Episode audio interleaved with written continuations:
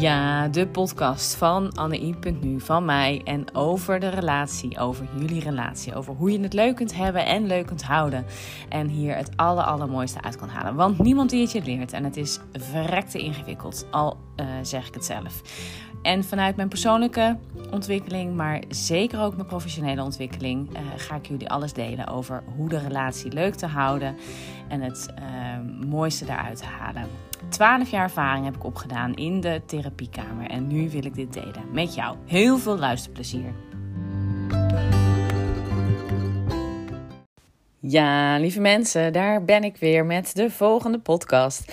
En voor de oplettende luisteraars ben ik, uh, heb ik drie dagen geen podcast opgenomen. Um, ja, wat, een, uh, wat helaas uh, niet gelukt is. En ik heb, me, ik heb ze wel trouwens overigens opgenomen, maar uh, niet ehm, gepubliceerd. daar is straks wat meer over. Maar hier in ieder geval de reeks in um, de drie weken waarin ik jou meeneem in uh, mijn uh, drie uh, feest van mijn formule die jou brengt tot je mooiste relatie. En waarin ik de eerste week aspecten heb benoemd vanuit de veiligheid. En deze week meer wil inzoomen op de verdieping. En volgende week gaan we de verbinding in. Um, en dit naar aanleiding dus van dat je uh, je mooiste verbinding in je relatie niet kan behalen wanneer je uh, niet een veilige relatie hebt en ook geen verdieping hebt uh, toe, ja, ge, gebracht in je relatie. Um, en ja, ik heb zitten nadenken, ga ik dit nou zeggen of niet? Maar ja, jullie zitten misschien wel te wachten op waarom ik überhaupt ja, deze challenge dus niet ben nagekomen. Um, zelf heb ik er uh, ook van gebaald. En uh, ik, ik, had, ja, ik had gewoon heel erg gehoopt: oh, dat, dat is een makkie, dat ga ik gewoon doen. Maar ik uh, nam ze op en ik dacht. ik, ik luister altijd heel even kort terug. Niet alles eigenlijk, moet ik bekennen. Want het is ook gewoon een soort start before you're ready. En hop, lanceren. En, maar uh, ik ben ongesteld geworden. Ik was ongesteld geworden. Uh, woensdag begon dat. En dus de podcast van donderdag, uh, vrijdag en gisteren heb ik het even gelaten voor wat het was. Maar ik heb donderdag en vrijdag podcast opgenomen en ja, ik, wilde, ik ging ze niet lanceren. Ik vond het niks. Ik vond mijn stem irritant. Ik vond de inhoud niet goed genoeg. Um, nou, mijn, mijn, uh, mijn valkuilen, perfectionisme, uh, angst om uh, kritiek te krijgen. nou ja, staken de, kwamen boven, popte op en ik, ik had ze niet in bedwang. Ik, en ik liet het ook voor wat het was. Want de laatste. Ehm, maar goed, en dat is, dat is dit vertel ik omdat ook wil ik jou uitdagen om naar die kwetsbaarheid te gaan. Want dat is, dit is ook voor mij een stukje kwetsbaarheid. Ik, uh, ik, vind dit gewoon heel best spannend om te doen. Om uh, uh, ja, te vertellen wat, wat mijn beweegredenen zijn en wat mijn ehm, struikelblokken zijn. En, maar eh, dit heb ik geleerd in de laatste, nou ja, al een hele lange tijd. Um, en eigenlijk, als je het mij vraagt, als ik zou, zou kwetsbaarheid wel eens het sleutelwoord kunnen zijn tot jouw mooiste relatie?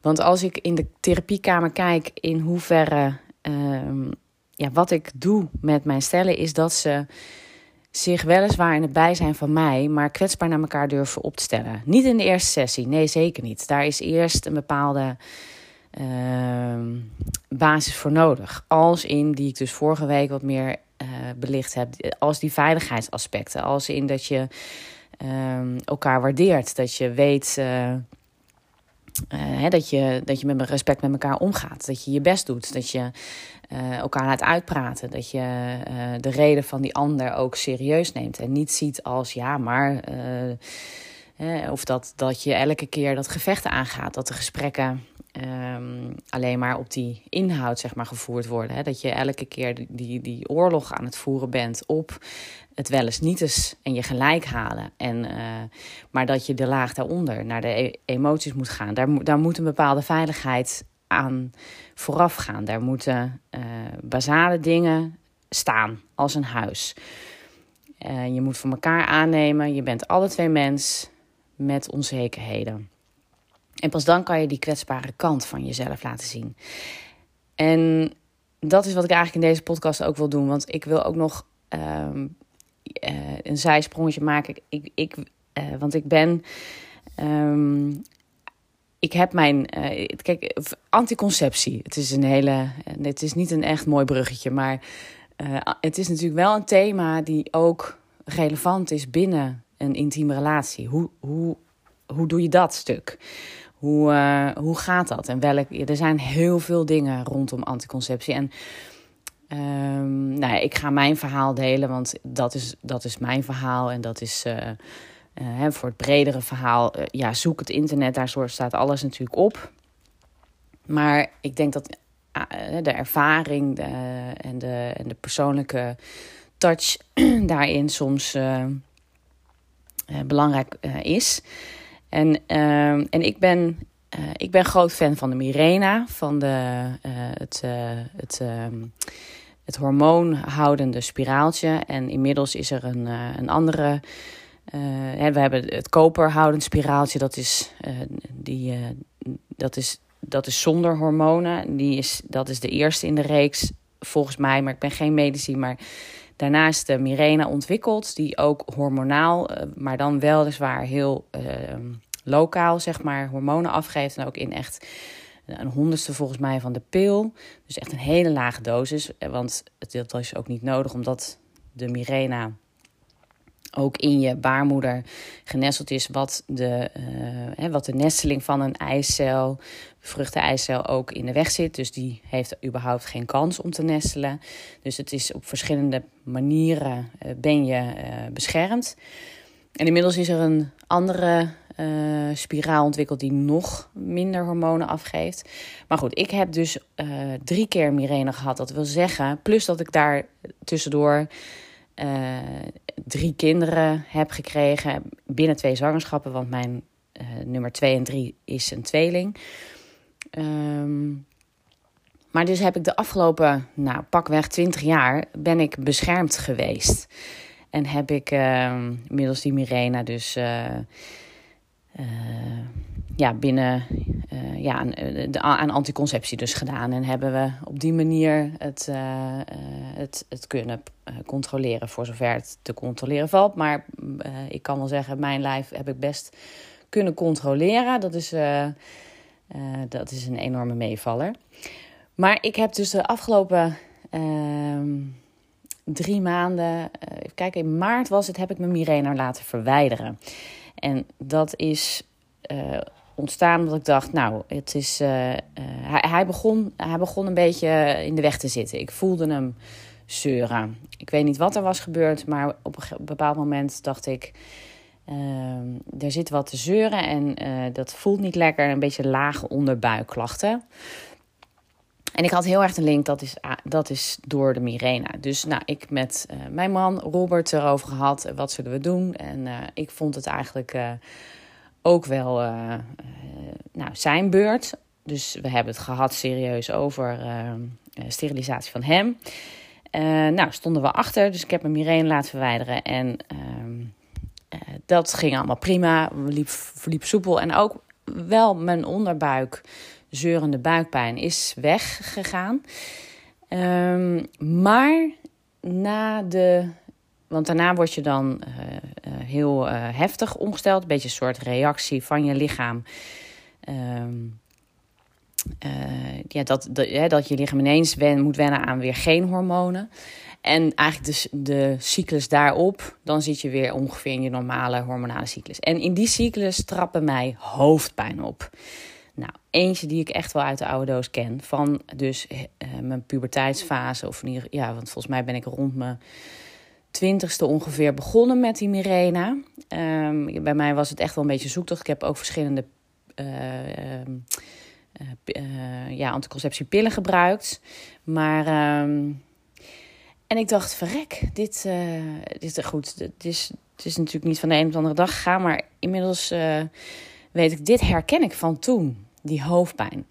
Want uh, in de, nou, de, bij de derde cyclus, denk ik, want ik had ook weer gewoon een, een snelle cyclus. Ik ben kennelijk, uh, ik weet niet of, of, je dat daar aan kan hangen, maar ja, ik heb een, een vrij vlot, vlotte cyclus. Ik um, kan, ja, of ik nou vruchtbaarder ben dan uh, gemiddeld, weet ik niet. Maar het voelt wel zo, want um, de, ook de zwanger, ik, wij werden ook snel, ik werd snel of nou ja, gewoon binnen, als ik, als ik wilde, zwanger wilde worden, dan, dan lukte dat. Dus het is een enorm groot gegeven. En ik ben daar heel, heel erg dankbaar natuurlijk voor. Maar de momenten dat Robert en ik echt dachten, we gaan ervoor, dan was het ook gelukt. En zelfs nog de tweede keer met uh, twee eitjes uh, die bevrucht werden. Dus uh, ja, ik heb daar wel een soort. Uh, ik heb daar ook natuurlijk eh, echt wel me in verdiept. En ik denk dat elke vrouw, als zij zich erin verdiept, ook voelt wanneer je bijvoorbeeld een ijsprong uh, hebt. En uh, ja, dat je dat best wel kan reguleren. Dat is, dat is een heel prachtig gegeven. En ik. maar ook hier dus op. Ehm, ik werd gewoon weer om de drie weken ben ik ongesteld. En nou, het functioneerde ook nog helemaal naar behoren. Dat liet de gynaecoloog mij ook uh, weten. Uh, ben alert, je moet ook weer gewoon aan de anticonceptie denken. Een andere variant dan dus de Mirena, toen die eruit werd gehaald. Um, want hij werd er bij de gynaecoloog uitgehaald omdat de, de uh, zeg maar je Mirena zit, wordt geplaatst en dan blijven er twee staafjes ja, of draadjes zeg maar achter uh, die buiten je baarmoedermond liggen, zodat die er makkelijk uitgehaald kan worden als dat uh, nodig is na vijf, zes jaar.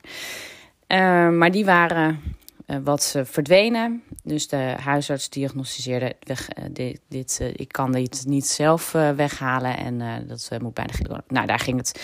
En bij de gynaecoloog ging het helemaal soepel. Dus nou, de, uithalen is niet zo'n ding. De inplaatsen is meer pijnlijk voor de mensen die dat ook hebben ervaren. Maar goed, mijn hoofdpijn die werd erger en erger. En uh, het heeft ook te maken, alles te maken met dat ik me uh, meer kwetsbaar aan het opstellen ben. Is ook mijn meer persoonlijke diagnose. Als in dat ik naar buiten aan het treden ben. Dat, men, dat ik online ineens zichtbaar ben. Dat ik dit dus überhaupt in een podcast aan het delen ben. Ik heb nu nog de gelegenheid om hem niet te publiceren. Maar uh, ik, ik ben nu voornemens het wel te doen. Maar uh, dus dat speelde ook mee. Nou ja, het was irritant. Ik ben een dag echt eh, wel gevloerd. Als in uh, uh, een soort combi migraine, uh, spanningshoofdpijn. Maar die dag heb ik echt de hele dag in mijn bed gelegen. En toen dacht ik, ja, dit is de limit. Dit, dit wil ik echt niet. Dit is helemaal niet... ja, dit kan ik me bijna niet voor, veroorloven, zeg maar. Ik bedoel... En, en toen dacht ik, ja, is dat nou die migraine? Is dat nou de, zijn dat nou gewoon mijn hormonen, mijn normale hormonen?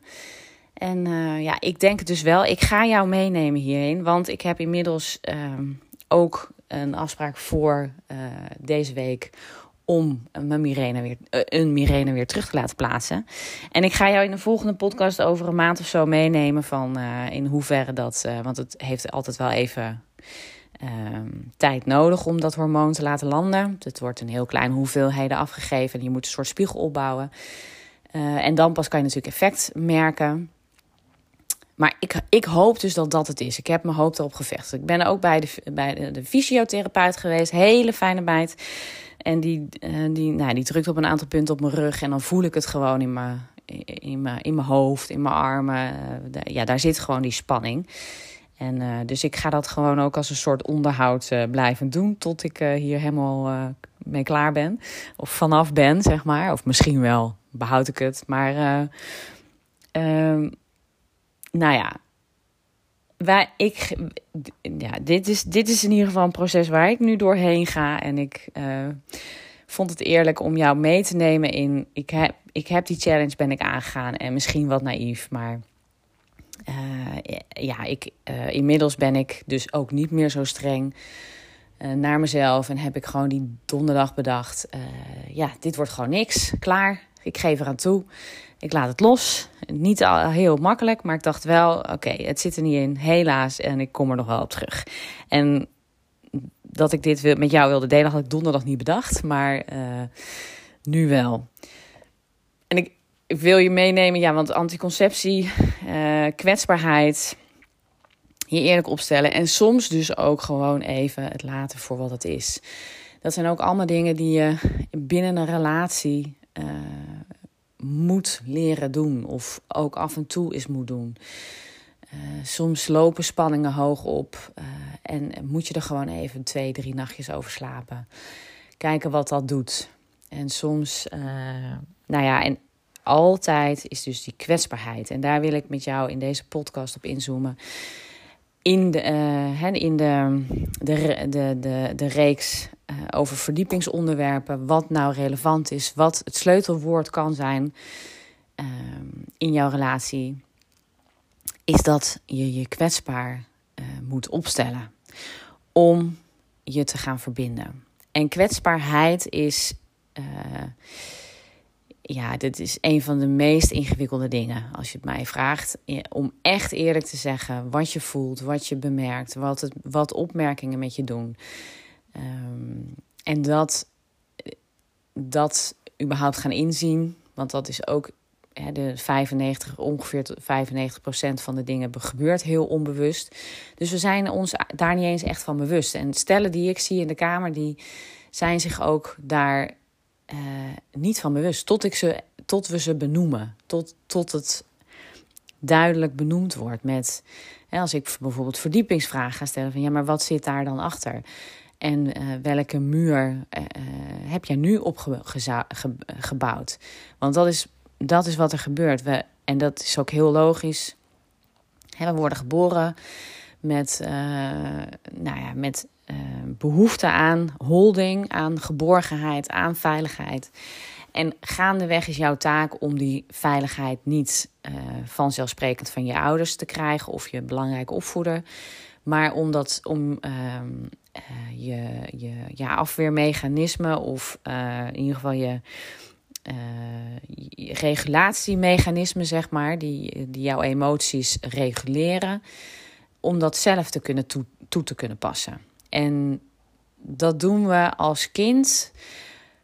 Pakken we een aantal tools die voorhanden liggen. Uh, en als we daar. En die, dat, dat doen we allemaal. Dat is iets universeels, want we, we zijn gericht op uh, en we op overleven, op dat we uh, zo goed mogelijk er doorheen moeten komen. En in die weg um, leer je dus ja, leer je jezelf reguleren op manieren. En je, je, je, je test daar wat in uit ook. en bijvoorbeeld het terugtrekken, het mooier maken dan het is. verbaliseren is eentje die dus dus uh, mooiere woorden aangeven dan. En, en ook überhaupt woorden, dus heel erg in dat hoofd zitten. Dat zijn uh, ja, me mechanismen om je emoties te reguleren, om jezelf. Hè, de, dus wat jij zelf voelt en wat de vereisten zijn in de maatschappij, die kunnen nog wel eens botsen. Um, en hoe je daar dan mee omgaat. Of wat, wat een ander wil, wat een ander verlangt en wat jij zelf wil. En dat, dat kan natuurlijk heel goed ook botsen. Dus daar doen we gaandeweg ons leven allerlei. Uh, ja, dat, dat, dat pikken we op. En hoe volwassener we worden, hoe meer verfijnder dat op een gegeven moment gaat worden. Maar um, als wij ook. We worden gekwetst, op wat voor manier dan ook. We doen levenservaringen op. Uh, en natuurlijk de een heeft een heftiger geschiedenis dan de ander. Um, maar uh, in je, en ik denk dat iedereen die met kwetsbaarheid uh, in aanraking is, of met persoonlijke ontwikkeling, of iets in zijn relatie tegenkomt, waar, waar jij waarschijnlijk, waarom jij deze podcast aan het luisteren bent, je echt kwetsbaar opstellen naar die ander ja, het is verrekte ingewikkeld. Heel moeilijk, heel eng. Alsof je letterlijk met je billen bloot staat. Dat sta je eigenlijk ook. Ehm, en zo voelt het ook. En, maar het is wel nodig. Je moet dit gaan doen. Tenminste, je moet natuurlijk wel je gaan afvragen: wil je, wil je dit met die persoon doen? Maar dat, uh, ja, dat moet je natuurlijk voor jezelf uitmaken. Maar als je dat dus niet met die persoon wil, ja, dan moet je eerst gaan werken aan die veiligheidsaspecten, zeg maar. Maar als je daarin keer op keer teleurgesteld wordt of gekwetst wordt, ja, dan ga je natuurlijk niet jezelf uh, bloot en open durven stellen. Um, en het is ook wel een beetje een uh, wisselwerking. Hè?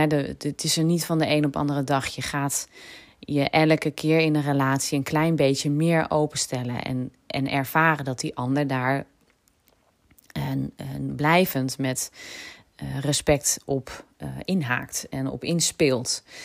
Um, en nou ja, de, wat ik, wat ik uh, waarvan ik denk, en ik wil een voorbeeld noemen, um, wat jou kan helpen in wat ik nou in godesnaam bedoel met kwetsbaarheid.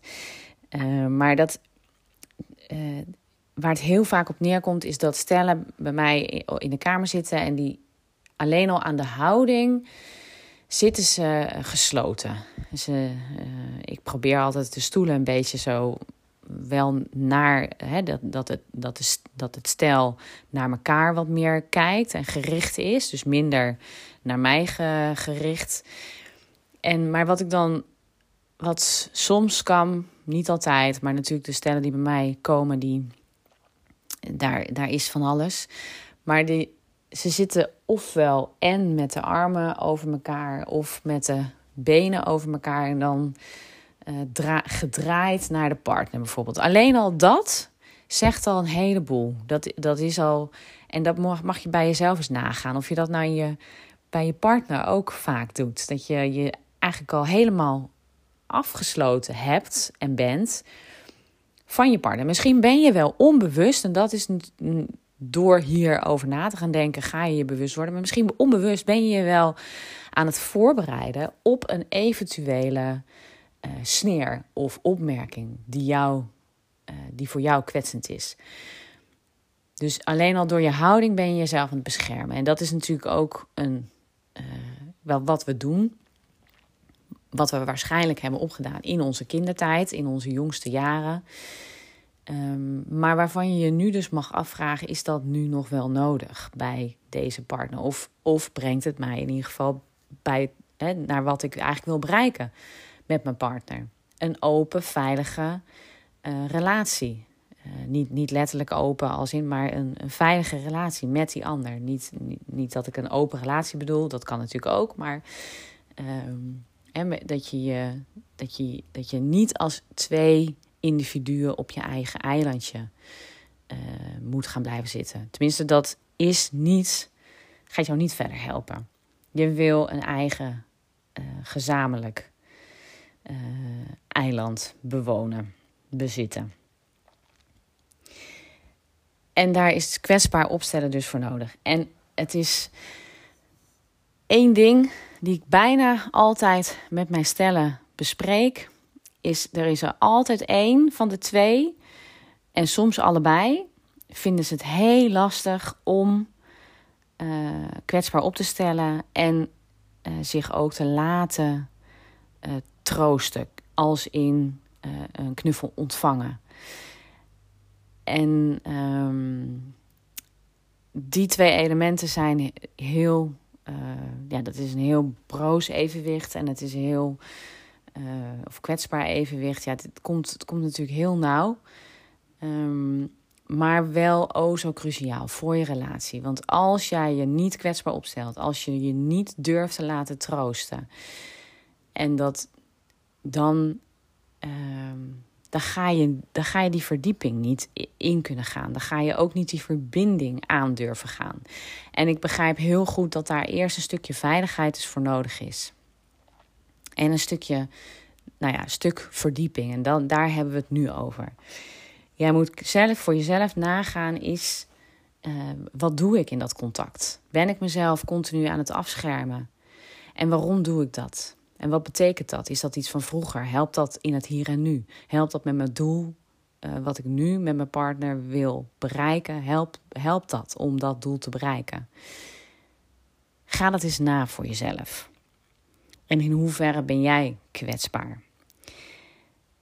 En in hoeverre uh, laat jij je troosten? En troosten is een arm om je heen. Een uh, fysiek even contact.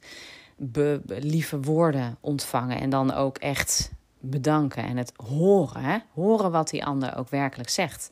Ik, ik hoor stellen soms hele lieve dingen tegen elkaar zeggen. Echt hele lieve dingen.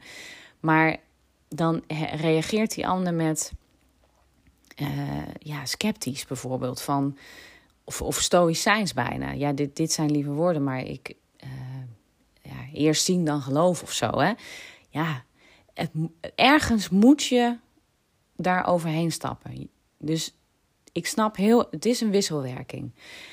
Maar het is ook geven en nemen. Het is ook gaan leren, horen dat die ander echt de beste intenties heeft, maar ook zijn of haar valkuilen heeft. Dus als er een lieve opmerking komt, hoor hem dan ook. Laat hem landen bij je. Bedankt. Dat is lief. Dat vind ik lief om te horen. En dit zijn de dingen die ik teruggeef aan Stella. Dit is, uh, dit is wat ik doe. Dit, is de, dit zijn de tools. En, en heel vaak is het ook zo dat ik die mooie dingen zie en ik benoem ze. En, ik, en zij, zij kunnen het ook. Ergens in hen kunnen ze het. Is het er? En um, uiteindelijk is het natuurlijk de bedoeling dat je een aantal gesprekken met mij hebt en het uiteindelijk zelf ook kan toepassen. En als ik nou, um, als we in gaandeweg, als we daarnaar uh, werken, dan. Want die gesprekken, het, dat ze zo mooi zijn, is een van de dingen waarom ze zo lopen zoals ze dan lopen, is omdat er een derde toeschouwer zeg maar, bij zit. Um, die, waar, waar, je, waar je wat meer gedwongen je voelt.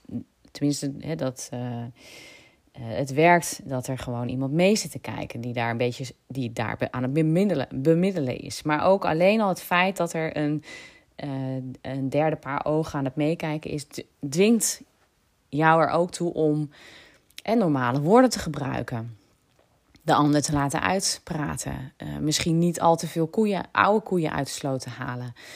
En want je, want je hoort gewoon: hey, dit, is, dit is niet helpend. Dit is volgens mij niet wat Anne-I wil. Nee, dat klopt ook. En al die dingen die je daarbij denkt, die moet je ook meenemen in het gesprek wat jij gewoon thuis aan de keukentafel met je partner aan het voeren bent. Als dat je lukt, is mijn uh, therapie geslaagd. Want dan kun je dat. En heel veel stellen kunnen eigenlijk dat best. Alleen uh, laten ze al die emoties uh, te veel gaan, waardoor zo'n gesprek natuurlijk nooit tot een echt mooi, uh, ja, mooi einde komt. Dit naar aanleiding van uh, kwetsbaarheid en je kwetsbaar opstellen in de relatie. En hoe belangrijk dat is om daadwerkelijk die verdieping in je relatie te brengen. Om uiteindelijk die verbinding aan te gaan. Want al, zonder die kwetsbaarheid gaat die ander jou nooit knuffelen. Gaat die ander jou nooit leren kennen met: oh, volgens mij vraagt ze nu om een uh, knuffel. Of, een, of oh, volgens mij vraagt hij nu om een compliment. En, of om een uh, bemoedigend woord of om een knuffel het is beide kanten. Uh, daar, daar, maar, daar, uh, volgens mij is dat. We willen allemaal bevestiging, herkenning, geborgenheid, hol, holding. Zoals dat dan in een therapeutisch woord heet. Maar echt, holding is echt die armen om iemand heen. Dat is uiteindelijk waarom jij, denk ik, een relatie bent aangegaan. Omdat je het niet alleen wil doen. Omdat je het, dit, de, deze weg gewoon gezamenlijk wil doen. Um, en als je dat kan, dan is dat uh, goud voor jullie relatie. En is dat een heel mooi goed. Uh, ja, ik, uh, ik ga afronden voor deze, voor deze podcast. Ik hoop dat je hier wat aan hebt gehad. Dit is absoluut nog niet de laatste podcast die gaat over je kwetsbaar opstellen. Maar in de, de reeks van deze drie weken is dit voor nu in ieder geval een uh, hele belangrijke. Dus kijk in hoeverre jij je kwetsbaar opstelt. En wat doe jij? En wat heb je ervoor nodig ook? Laat dat die ander weten. Oké, hele mooie dag en tot in de volgende podcast.